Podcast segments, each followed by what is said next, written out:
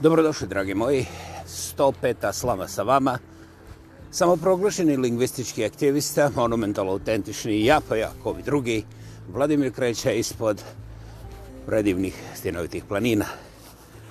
Znate, čudo je ovaj život. E. Gledam gore i dolje.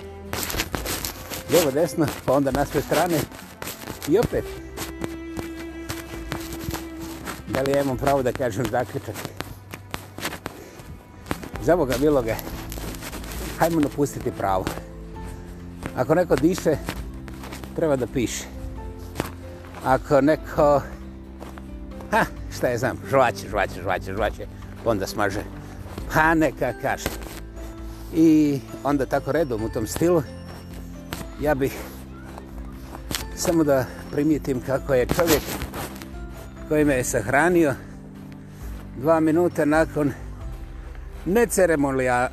neceremonijalnog ukopa koji je bio definitivan i bez ikakve primisli da bi se sve stvari mogle barem nekako malo drugačije organizirati. Ne.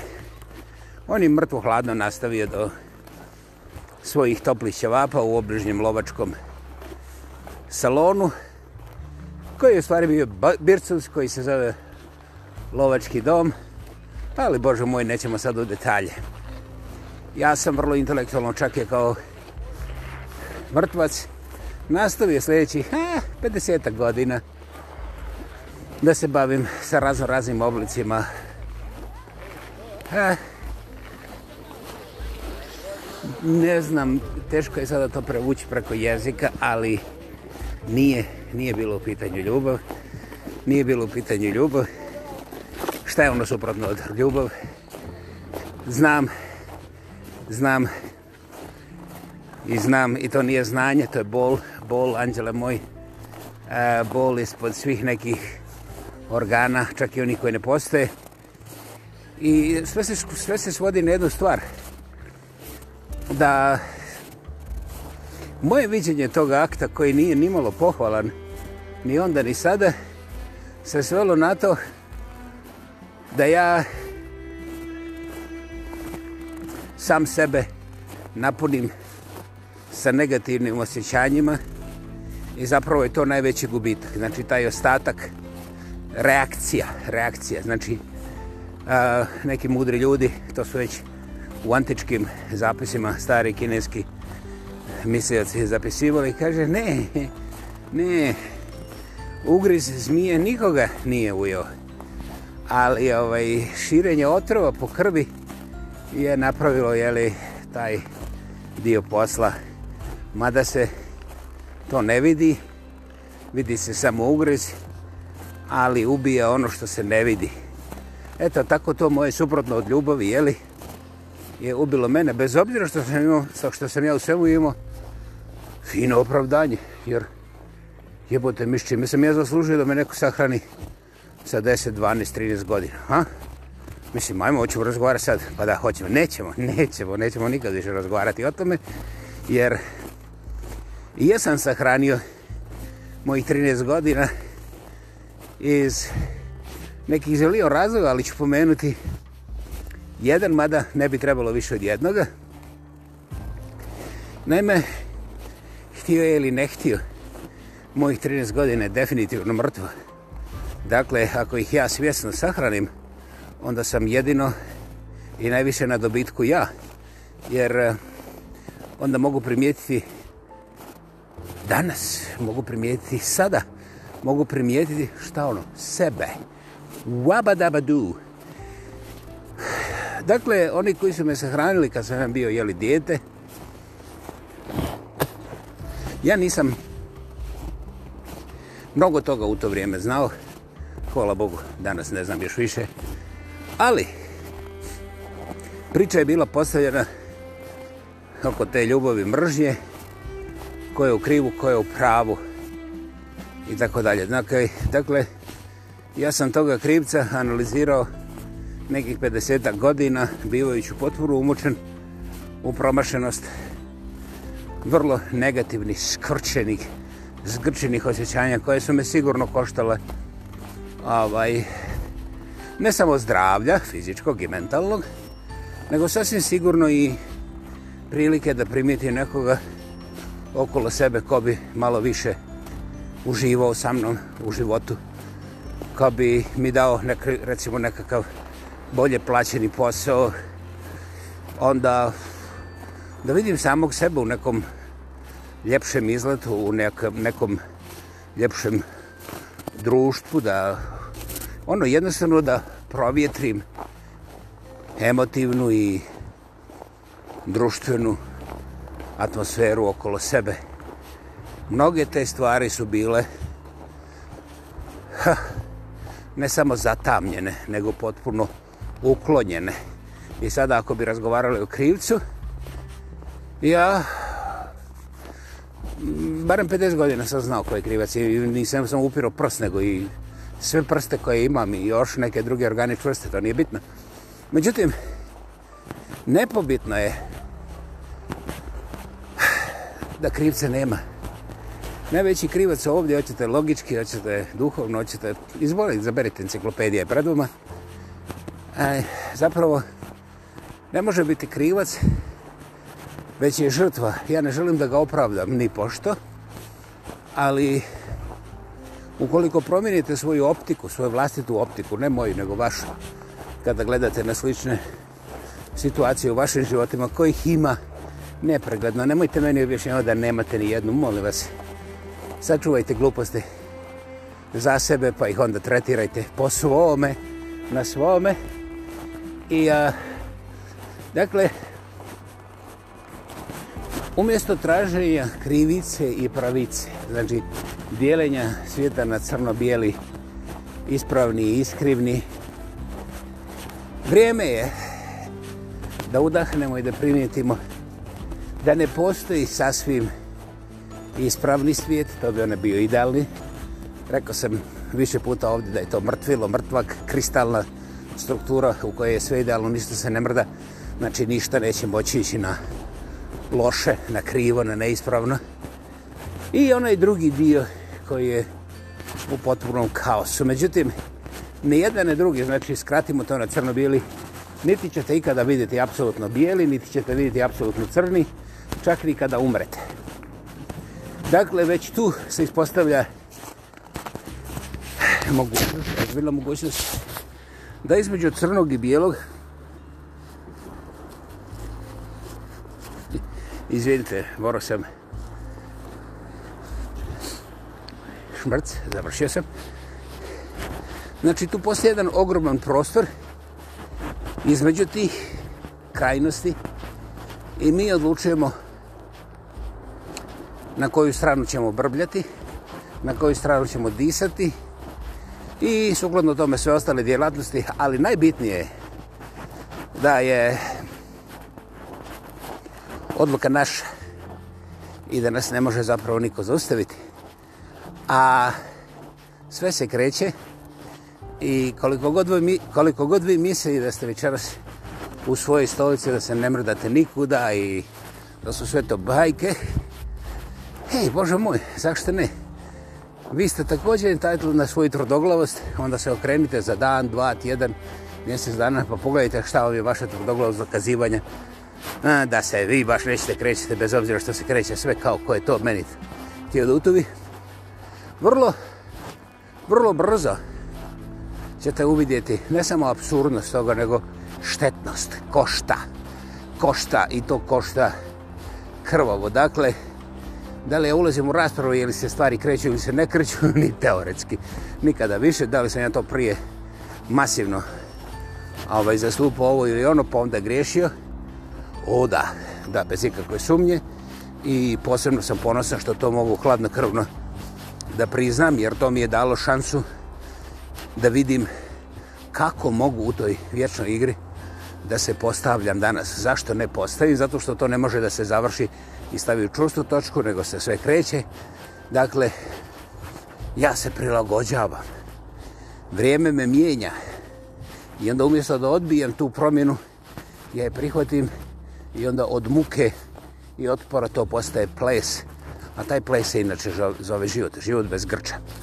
Dakle, zašto je onaj moj malo čas pomenuti sahranjivač nije kriv?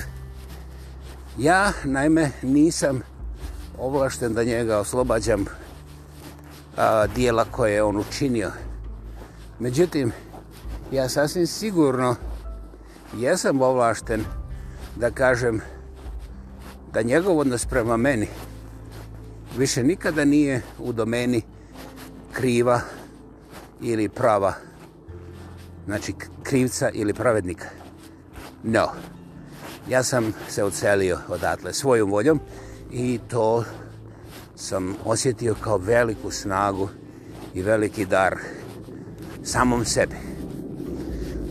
Onda sam uspio da primitim bez ikakvog plačac mi izdranje i histerije, da je taj čovjek također za mnogi krivac, o čemu ja više ne raspravljam, ali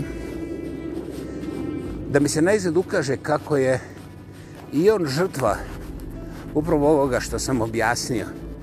Dakle, ukoliko ne otvori oči na vrijeme, on je osuđen da radi protiv sebe. Dokaz ne treba, ja sam također malo čas spomenuo, kako su moji negativni osjećaji 50 godina uvijek znali ko je krivac uvijek imali barem dva operena prsta od toga krivca i puno toga još što nije baš ni ugodno za navesti ali je u stvari suštinski ponižavajući jer je uništava moj život mojim snagama na mome vremenu, u mojoj koži i ja nisam otvorio oči Sad ti kažeš, pa zašto ne kažeš, na vrijeme otvori oči. Oh, darling, svoj cinizam staviš sebi u guzu, pa snigam provozaš malo guza, malo gorek između zuba, koliko god voliš, eto toliko. Jer ja ne želim ovdje da tretiram naučene mentalne bolesti i onu običnu ljudsku pokvarenost. Ne zanima me. A ako smatraš da ja ne vidim šta je 50 godine i recimo 5 meseci koliko ja imam jedno protiv drugog, naravno sa 50 godine u onom negativnom, znaš, ne pada mi na pamet, ni to da objašnjam. Zašto? Zato što ja ispra sebe gotovo sigurno nemam 50 godina. A i da imam, opet bi rekao isto. Ja sam presretan što u meni, bez ikakvih objašnjavanja, postoji jedan otvoren duh koji je vidio svoju zaslijepljenost i koji je sa svojom vlastitom voljom, snagom svoga duha, uma duha i suha, sud, SUD, otvorio vrata razumu i našao je razum. Dakle, ja neću dobiti Nobelovu nagradu za ovo otkriće. Na mome licu i gledano sa strane se ne vidi ništa. I ovaj... U, da, onda sam ja promašio i šefa i stanice. Ne, gospodo. Ja upravo imam vjerovatno jednu od najvećih pobjeda u svome životu.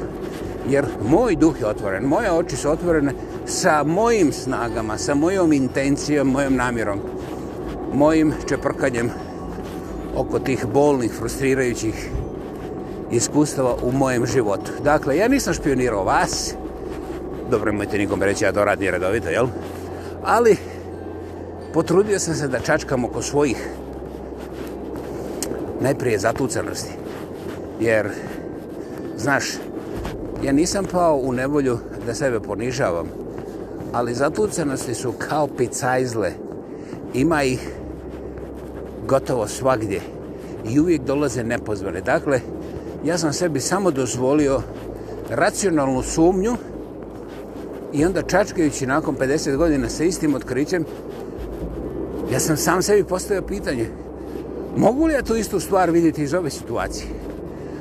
Ne mora biti situacija. Recimo da promijenim poziciju. Umjesto da budem tužan, nesretan i povređen, mogu li ja da sjednem ispred televizora, da uzmem čips, pips i ove, mislim, neke druge stvarčice i da onda ugasim TV, a da razmislim o nečemu što mi je bilo ono, horor, a ne moram da unajmim horror film, i onda na kraju da bude hollywoodski happy end.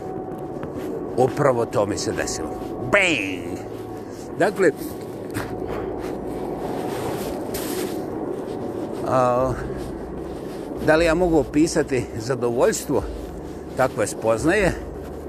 Ne vjerujem.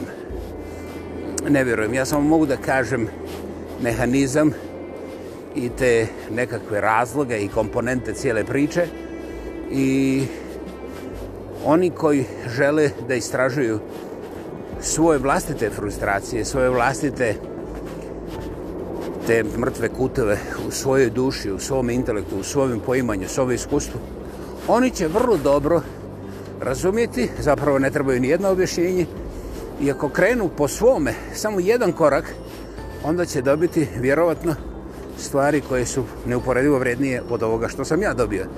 I upravo to je ono što ja izuzetno, izuzetno cijenim i što me motivira da trošim svoje vrijeme pričajući. Jer e, ukoliko se ne kaže, onda kao i da nije postojalo. Za, naime, ne može se sve pročitati sa nosa tetke mi, moje tetkine. Moje tetkine. Mm, paralelna priča koja je malo sada, recimo, izvan čovjeka, znači nije u meni. Um, ono što je posebno zanimljivo, Gandhi je rekao da Bog nije religiozan, Bog nema religiju. Ovaj, zašto ja spominjam Gandija? Pa, slušaj, ima prije njega cijela jedna armija misilaca i mistika uh, kroz period duži od 3-3,5 tisuće godina koji su dosta toga o tome rekli. Međutim, niste ih sreli ni u školi, ni u crkvi. Ajte pogodite i 76 puta zašto. Dobro, 760 puta. Samo molim vas, pogađajte kod kuće neko od mene. Dakle, ja ću ponoviti.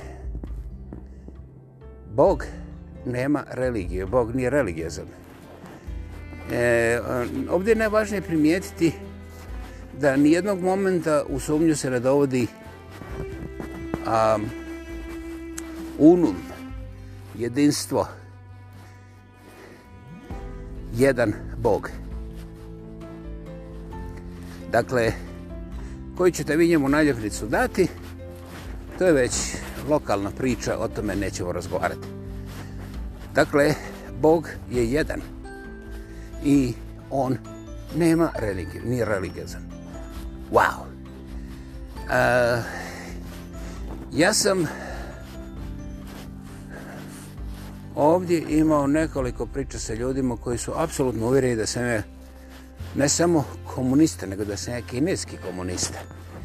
A kako sam tu titul stekao, čovječe, da sam planirao, mislim, ono, šta je znam, moj mozak je mali za takve stvari.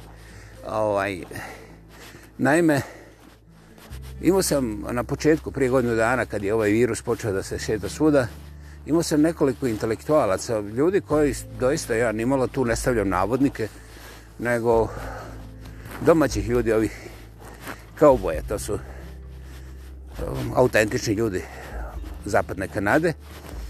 I ovaj, ja volim razgovarati o svim temama i onda oni počeli kineski virus, kinezi hoće da nas ubiju, kinezi nam podmeću.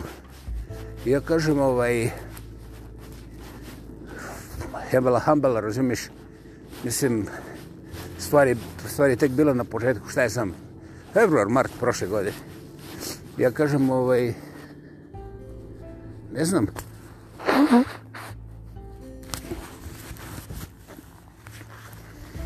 ono šta ja znam meni se čini da milijarda i po kineza ne treba da nas ukokava sa ovim o, virusima, znaš evo reću, kako misliš e polako smiri se, diši malo evo na primjer hajmo ja i ti biti kineski ovaj, šefovi to znači da smo nedemokratski demokratski autokrate koji imaju moć nad armijom od milijardu i pol ljudi. Da, da, oni... Ej, polako, čovječ, halo. Ti si Engleza, ne, ja sam Balkenjac.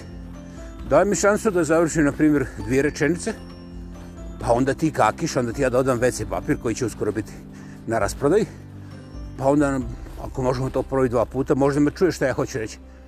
Ti si... Znam, sad smo došli da se ovaj komunista. Jeste, Ja sam uvijek mislim, super, super, ja sam komunista i ako ne budeš dobar, ako ne začepiš odmah, komunističku ću, komunistički ću da te ugrizem za sav tvoj demokratski razum i onda je sine gotovo jebot. Kad te dođu činjice do glave, mislim, ne samo da ćeš se usrat, nego ćeš početi sam svoje govance da jedeš. Što u ostalom i radiš, ali misije obavješteno, okej. Okay. Dakle, biljardu i po ljudi, jer i sad trebaju prvo da ubiju desetak miliona svojih da bi dokazali svijet da su nevini, a onda će nas sve redom istrebiti sa te virusom. Kažu pa, pa, sad sam ne samo komunista, sad sam kineski komunista. Kaže, pa ti si isti kao oni. Pa jeste, još mi oči nisu kose, ali ukosim se ja, za čas posla, mislim, samo daj mi dvije, tri litre vodke.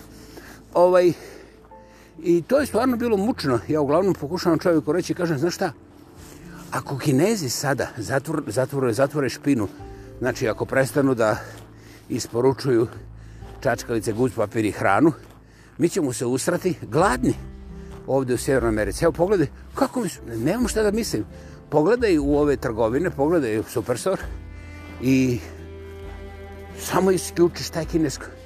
Prošetaj se sutra kroz one ajlove, recimo ima ih tamo 50, i ako kinezi zatvore isporuku, ako se zatvori ovaj, komunikacije sa Kinom, odjednom minimum polovica tih superstorova su prazni. A ono što ostane je nedovoljno za takozvano preživljavanje. Aha, da, da. Opa ima, znam, ja, ja znam da Kanada ima svega viška, ali dok Kanada dođe u to da to upakuje i da to pošalje na tržište, mora će da potroši novac koji nema. I znaš šta još nema? Nema ni slučajno ni dijelić vremena koji je potreban da se taj mehanizam, znači pretvorbe, konverzije, desi. A do sad niko nije razmišljao da bi se mogla desiti takva strategijska situacija da Kina sve zatvori, jer Kina je do prije 30 godine bila sirotinska zemlja i ovaj mogli ste ucijenjivati kako ste htjeli. E, nike pa tike. Pa onda ostalo, razumiješ, mehanizam. Pa ti, znam, ja sam kineski komunistički špijun, sad smo to razotkrili za ovi dektivu, o, mi smo demokratska zemlja. Znam, onda ne njači, nego krepao je, brate, kinezi su ti postali dovoljno virusa. Ovaj, uglavnom, nimalo ugodna diskusija i ovaj, kada sretnem čovcu ovih godinu dana, šta je znam, dva, tri puta, ja gru, bu, kinez, gru, nije, kinez komunista. A on, znaš, pogleda pa me ponovo odmiri, znaš, jer jebeš ga, znaš, kinezi su stvarno napredovali i sad, i, mada ja ne ličim na kineza, ali on više nije siguran. Jer ja otvoreno priznajem da sam komunista, a onda to za kineza, vidio me da jedem rižu, možda suši, možda mokri, ne znam, i ovaj, ta transformacija se trebala dešiti oko Božića, ali on kaže to će se 100% desiti i on gledi, pazi, pazi da ga na ja kinesko-komunistički ne zeznem i drži svoje oko na mene. A, stvar nije smiješna. Ne može biti ni tužna jer je zapravo kriminalna, a kriminalna je što ljudi koji sebe busaju u prsa da su demokrate nisu ništa nego vrlo, vrlo jeftini bigoti kojima treba jedan Trump da ih povede na barikade zdravog razuma i oni će to razbucati dajući su svoju krvu bez daljih upitnika. Dakle, gospodo moja, ako se pitamo zašto Bog nema religiju, onda možemo postaviti pitanje zašto čovjek koji je zdrav, ima dvije noge, dva oka, nema kontakt sa svojim vlastitim mozgom, a kad ima, onda kaki, i to kaki po svome vlastitom razumu. Ovaj,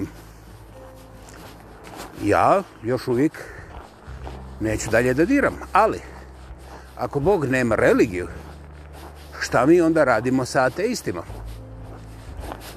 Ha, kinesko komunisticiziramo ih na svakom koraku. Nema veze šta su kinezi i šta je komunizam. To ne postoji stvar.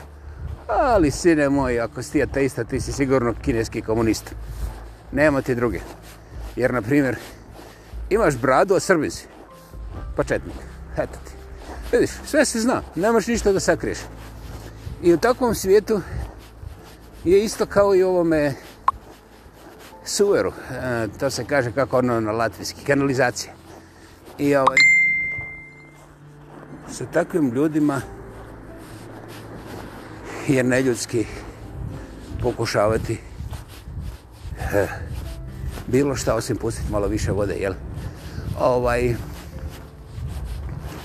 Dakle, teorije o Bogu u našim školama nema, jer uglavnom ove škole koje nisu religijske, strogo religijske, religijske povezane sa, sa crkvom, one nemaju doktrinu božanstva, nemaju, nemaju više od dva vica o ideji Boga u ljudskom društvu i to je kriminalno skupo za svu tu djecu koja nemaju osnovnu ideju te božanske etike, božanske ideje. Možete nazvati na drugi način, ali djeca koja nisu u školama, koje su pod crkvenim nekakvim patronatom, doista o Bogu slušaju samo viceve u najboljom slučaju i završeno, nema druge. Da li ja to branim ove vjerske škole? Gospode, ja to stalno ponavljam, ja ne branim nikoga. Ja ne branim nikoga, ali ovdje je vrlo jasno. Ako ja kažem da nema Boga u nekim školama, onda ja to ne kažem zato da bih ove zatucaniti se pogurao napred koji političko-religijezno guraju svoj i samo svoj interes ispred svih drugih. Dakle, ja govorim od dva fanatika. Jedni su na jednoj strani, drugi na drugoj i onda se pljuckaju u ime Boga. Jer e, ova tvrnja o ideji Boga, znači divine idea, je nešto što kaže da postoji nešto što je sve prisutno i što ima svu snagu koju ljudski čovjek, koji ljudski mozak može uopće zamisliti. Znači nešto sve moguće i sve prisutno. I sad, ja ne bih ulazio u kvantnu fiziku koja vrlo, vrlo nedvosmisleno dokazuje neke stvari koje su do prije 20 godina bile apsolutno u doni, zoni a, fanatizma ili fantazije, zavisi ko gleda. Međutim, Bog je ipak nešto što ja i ti, pa onda svi skupa, zajedno sa milijardu i pol kineza, ne možemo dovući do zadnje one crte gdje znamo sve i gdje možemo objasniti sve. Dakle, daleko izvan onoga što je naša duhovna i kognitivna moć, se nalazi ta ideja o Bogu. I to je vrlo važno, ne zato da mu damo naljepnicu da je on naš iz Donjih Čekrčića, nego zbog toga što ljudi koji hoće da budu bogovi, oni kažu prozor mora pasti, završeno. I onda prozor padne. Zbog toga što su oni trčali pored njega i onda ta oscilacija, prvo sranje i prozor ispova, kuća je onako bila stara. Dakle, ovaj deran misli da je on nekakav bog. Nije, nego seljačina koja je u krivo vrijeme iznervirao ljude da trče pored kuće sa starim klimovim prozorom. Dakle, niko od nas hodajući nije bog. He, he. Sad će oni teoretiče da mi kaže ako niko, onda svi. Istim se slaže, međutim, ne diram to u ovome podcastu. To je neka moćnija priča za dublje razgovore. Dakle, ja sam samo htio reći, Bog nije ateista, odnosno, Bog nije ne ateista. Zašto? Vratimo se na početak. Bog nema religiju. Bog nije religiozan.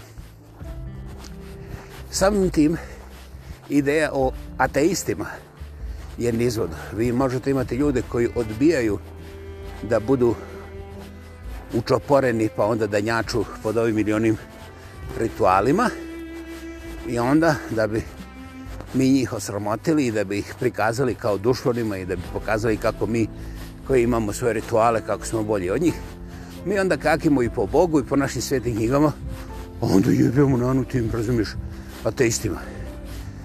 Iako ateisti ne, postoje, ne, ne postoje, doista ne postoje. Pratimo se opet, kotrljajte. Uh, Bog, Bog je prvi i najveći ateista ako baš hoćete detalje, koje ja neću sad obrađivati. Dakle, ako vi hoćete da poštujete nešto drugo, šta je poruka božanskog, dakle dobroga, onda vi morate da začepite gubicu i da radite, jer ćete se cijeli život učiti i približavati tome šta Bog od vas traži, šta Bog zapovida i nikad nećete stići, to je garantirano. Dakle, ako postoje praktične teisti, to su onda oni prštavi, agresivni, nadobudni vjernici koji ubijeđuju svako, gledaj moj bog, moj bog ima duži ovo već i ono, razumiješ? To je stoka koja kaki po svojom bogu, ostavite ih, ostavite ih, ostavite ih jer užasno je biti u njegovoj koži. Jer ako prizna sljedećih milijardu i po kineza da se odustali od komunizma pa prešli na ovaj bogizam od ovoga jednika koji ubijeđuje sve, onda će on primijetiti da jedan cijeli Iceland još uvijek nije prešao na njegovu vjeru. I opet će biti nesretan. Dakle, draga naša gospoda, božanski je primijetiti ovo što sam ja vam upravo rekao, evo, prošlo je pola sata, a ovaj, stvarno je božanski, ali to meni nije mogo niko objasniti zato što sam ja bio dugo vremena prepametan. Ja sam morao da udahnem samoću i da se sretnem sa svojom dušom ili da izdahnem. Mene je nosila Helena, moje bake i moja mama. Njihov blagoslov sam prepoznao u tom prostoru koji bi drugi nazvali samoćom. I ja, ne, nikad nisam bio sam. Meni je sunce u polnici zasjelo, ja sam otvorio oči u praznoj kući i bio sam puniji nego ikada u mom životu. Kome da se zahvalim, Periđuri, Antimati? Može, vrlo rado, iskreno, ali hvala Bogu i hvala mojim božicama moje baki, moje majke i moje Helene. Zaustite, udahnite. Hvala. Ja sam siguran da i vi imate neku kraljevsku baku. Živi zdravi bili. Bila je ovo 105. slama sa vama. Ja pa Jakov i drugi Vladimir kreće sa predivnih stinovitih planina. Najljepši pozdrav i... Hej, ako ne geknem, evo me ponovo za dan, dva, možda i tri. Ćao, bo, bili ste sjajni i želim vam predivan dan.